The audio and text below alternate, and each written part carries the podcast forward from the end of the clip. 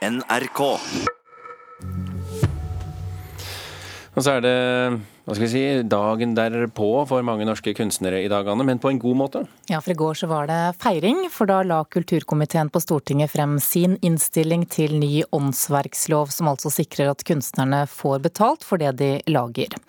Kunst-Norge hadde knapt våget å håpe på innholdet i det lovforslaget som ble lagt frem, og dermed ble det fest på Kunstnernes hus i går kveld. En så solid applaus er det vel få politikere forunt å få pga. en innstilling til Stortinget. Men i går måtte kulturkomiteen ta imot takk og applaus i lange baner fra både skuespillere, musikere, billedkunstnere og enda flere. Et samlet Kunst-Norge feiret det endelige forslaget til ny åndsverklov. For arbeidet med den nye loven har tatt lang tid. Det har strukket seg over to stortingsperioder, og det har vært signaler om nye paragrafer som vil svekke kunstnernes rettigheter og kontroll over det de skaper. Jo, fra det jeg har hørt nå, så tror jeg at vi kan si oss godt fornøyd. Sier Jørgen Karlstrøm, styreleder i Norsk Komponistforening. Det er særlig den såkalte paragraf 71 som har vært omstridt. Den ville gitt oppdragsgiver rettighetene til kunsten dersom kunstneren var ansatt på kontrakt. Men Geir Jørgen Bekkevold fra KrF, som har ledet arbeidet med loven, kunne berolige oppmøtte kunstnerorganisasjoner på Stortinget i går. Den er fjernet. Det vil si Nå må jeg bare, bare si en liten ting til dere. for at eh, jeg må si en liten ting. Det kommer til å stå en paragraf 71 der. Men dere skjønner jo da at det er da det som i dag er paragraf 72. Ja. Vi har fått eh, høres ut som gjennomslag eh, på de viktigste punktene. Paragraf 71 er strøket. Vi har ønska oss en tvisteløsningsmekanisme. Det er noe, noe som komiteen ber regjeringa utforme. Det ser også ut til at eh, det blir en nærmere utredning omkring paragraf 43, klasseromsregelen, som handler om at eh, også strømming skal kunne tilbys under en lisensieringsordning på en sånn måte at eh, kunstnerne får betalt også når musikk og film brukes i skolen.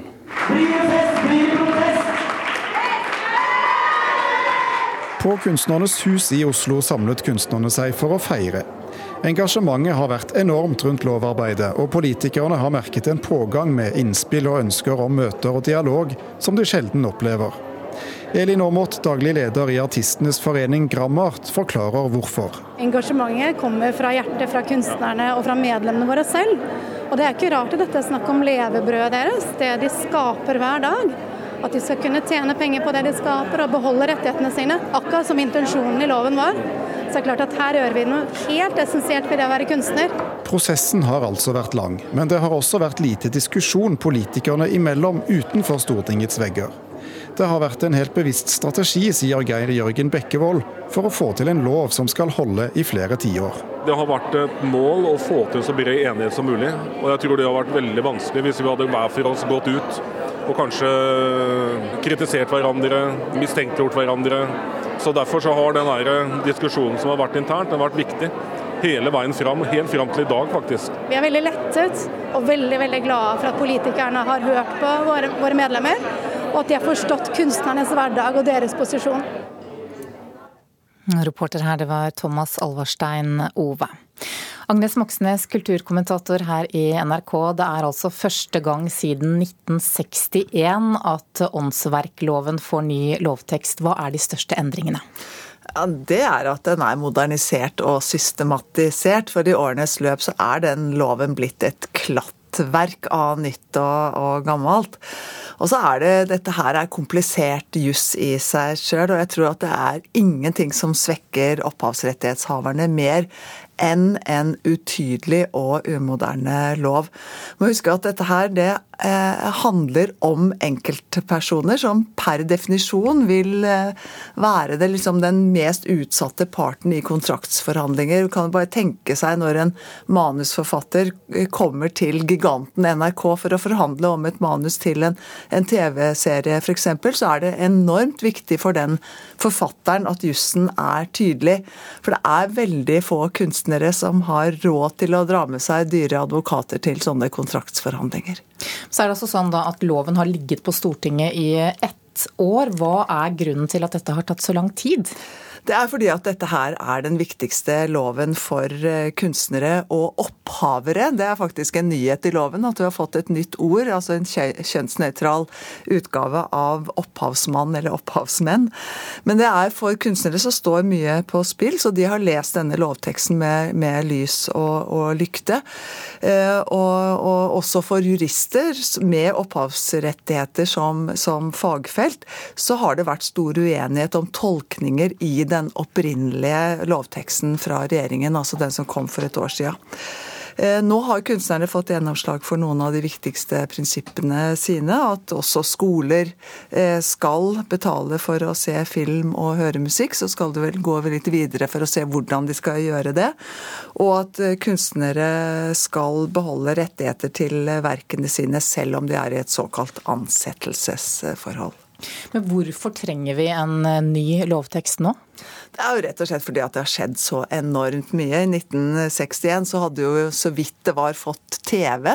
Eh, nå lever vi i en globalisert og digitalisert verden, og det betyr jo at kinesere og japanere og søramerikanere og canadiere kan spille av musikk fra Kygo eller se norsk barne-TV gjerne samtidig omtrent med at at det slippes her i landet. Mm. Hva betyr denne lovendringen for oss? Nei, altså For å bruke litt store ord, så betyr den egentlig mest for eh, oss. Det er, dette er en lov som skal sikre at det fortsatt skrives dikt og, og lages eh, musikk. Og Melodi Grand Prix, eller European Song Contest, er jo altså et strålende eksempel på det. Der er det en haug med selvstendige sangere, komponister, musikere, koreografer og dansere som fargelegger Europa i, i disse dager. Og de aller fleste av de musikerne som opptrer der, de står på skuldrene til tidligere utøvere. Og det er altså sånn at alle land har åndsverklover, og at vår går tilbake til 1741. Mm. Så hører vi altså at eh, kunstnerne er fornøyde, men det at noen er fornøyde, betyr jo ofte at andre er misfornøyde. Ja, og jeg er jo helt sikker på at eh, filmprodusenter, eller altså de som, som produserer eh, film og, og musikk, også leser denne lovteksten veldig nøye nå. Det er jo først i neste uke den skal eh, at den går, kommer til å gå gjennom i Stortinget. Men det er jo fortsatt muligheter for å komme inn og prøve å påvirke den teksten. Men vi hører jo her at nå er det stor politisk enighet om en ny norsk åndsverklov. Takk skal du ha, Agnes Moxnes.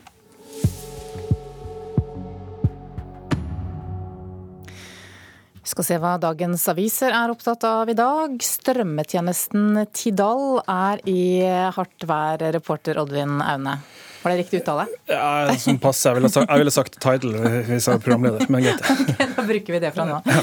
Dagens Næringsliv har i morges lagt ut en sak på nettsidene sine hvor de forteller at lyttertallene for Beyoncé og Kenny West er manipulert med flere hundre millioner falske avspillinger hos, eh, hos Tidal.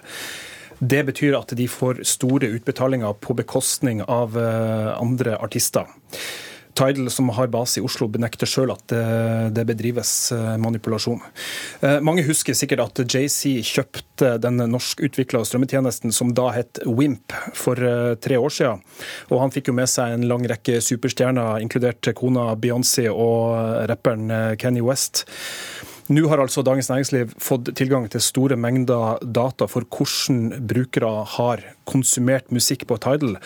Og de skriver at konsumet er manipulert slik at de får det til å se ut som at sangene er lytta til over 320 millioner ganger mer enn de egentlig er spilt. Men hvordan er det da denne manipuleringen skal ha foregått? Ja, de har blant annet fått tak i, altså Dagens Næringsliv har bl.a. fått tak i Tidal-brukerloggen til en eh, litt tilfeldig dansk komponist. Og Han skal da ha lytta til låter fra Beyoncé-plata 'Lemonade' over 50 ganger. Sjøl eh, sier han at det er bare vrøvl, og at han har hørt et par ganger på den plata. her. De, også, de kan også vise til lytterloggen til ei, ei kvinne i USA som har et temmelig mistenkelig lyttemønster. Klokka 09.30.57 så skal hun ha starta første spor på plata til Beyoncé. Halvveis inn i den første sangen, etter 1 minutt og 14 sekunder, starter hun sangen om igjen, før hun lytter seg videre gjennom, gjennom albumet. Nøyaktig det samme mønsteret gjentar seg utover formiddagen hver eneste time, nøyaktig på sekundet, igjen og igjen. Eh, og før dagen er over, så har hun hørt elleve timer på Beyoncé, og sjøl benekter hun at hun har gjort det her i det hele tatt. Mm. Men hvordan kan man vite at eh, Tidal står bak? Ja, nei, NTNUs Senter for eh, Cyber and Information Security har analysert uh, tallgrunnlaget som DN sitter på, og de mener at det er høyst sannsynlig at denne manipulasjonen har skjedd fra innsida. Uh, Tidal sjøl benekter overfor, overfor avisa å ha manipulert noen, noen som helst strømmetall, og de mener at uh, påstandene i artikkelen viser en mangel på forståelse av dataen. ja, amerikanske advokater har jo også da varsla at Tidal kommer til å saksøke både aviser og alle reportere som har bidratt til denne artikkelen. Uh, ja, jeg kan jo også nevne at uh, de, har, uh, de, skriver at de har i mer enn to måneder forsøkt å få et intervju med Tidal sin ledelse uten å lykkes i det. Så siste ord neppe sagt her. Følg med. Takk skal du ha, reporter Oddvin Aune. Sankthansaften 1998 skjedde det som ble en skjellsettende opplevelse for mange av oss. Norge slo Brasil i en VM-kamp i fotball. Halve Norge vet fortsatt at det var Kjetil Rekdal som satte det avgjørende straffesparket, og nå har religionshistoriker og Morgenblad-journalist Marius Lien skrevet boken 'Miraklet i Marseille' da Norge slo Brasil om det som skjedde den 23. juni for 20 år siden. Og litteraturkritiker her i NRK, Leif Ekle, hva slags bok er dette her? Ja, det er jo en, det vi kaller en sakprosabok, da. Eh, relativt eh, saklig, men også humoristisk, og, og innimellom ganske interessant. Den er kortfatta, eh, knapt 200 sider. Den er delt i tre. Eh, den første delen eh, er jo den viktigste. Det handler om selve kampen. altså Den kommer da til slutt. Eh, det handler om norsk fotballhistorie fra helt tilbake til 1958, da en herre ved navn Olsen, altså Drillo, skofta jobben som sommerjobber på en jern- og metallbedrift for å haike til Gøteborg og se Brasil spille mot Sovjet.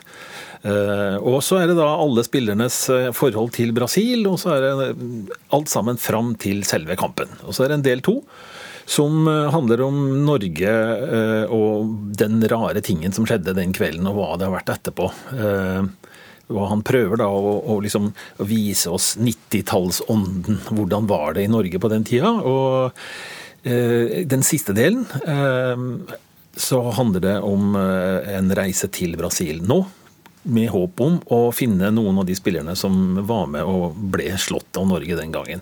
En ikke helt vellykka reise, men ganske vellykket journalistisk. Mm. Men Hva er det med denne kampen for 20 år siden som forsvarer en hel bok? Vi har jo hørt en del om denne begivenheten tidligere. Ja, det er for å si det mildt. Ja, ikke sant. Eh, det første jeg tenkte, det, første jeg tenkte at det er virkelig grunnlag for å skrive bok om dette. Eh, jeg har kommet til at det faktisk er grunnlag for det. Det er Både fordi det er morsomt og interessant, men, men eh, særlig midtdelen i boka, den som handler om Norge på, på, på denne tida, eh, den er interessant. Selv om jeg, så gammel som jeg, har hørt om generasjon X og Erlend Loe, Naiv Super, og, og, og, denne ånden av ironi som kom innover oss på, på 90-tallet, oppløsningen av de store fortellingene. Han, han, sier dette om igjen og analyserer det litt, dette med forholdet mellom eh, fotball og religion. Altså at fotballen på et tidspunkt på en måte tok religionens plass. og skal jo ikke dra det for langt, og det gjør han ikke heller, men, men det er ganske interessant å lese. Og mm, ja, det, det, er jo en begivenhet som mange husker. For noen var det bronsekampen i 36, og andre var det Brå ikke sant, med staven. Eh, for mange så er det denne kampen her. Mm. Det er et rart fenomen, da. Men syns du Marius Lien lykkes? Ja, jeg syns det. Eh, jeg var i tvil om den midtdelen eh, lenge, men så leste jeg den om igjen på toget innover nå og fant ut at jo, jeg liker det. Mm. Vi startet jo med å si at eh, dette er en kamp som mange av oss husker godt, også hvor vi var da det skjedde. Hva med deg? Jeg satt, jeg satt i stua hjemme. Det, så enkelt var det. og jubelen sto i taket da, kanskje? Ja da. Jeg hadde en niåring som var svært opptatt av dette, så det var høy jubel, ja. Mm. Takk skal du ha, litteraturkritiker her i NRK, Leif Ekle. Det er altså Marius Lien som har skrevet boken 'Miraklet i Marseille da Norge slo Brasil'.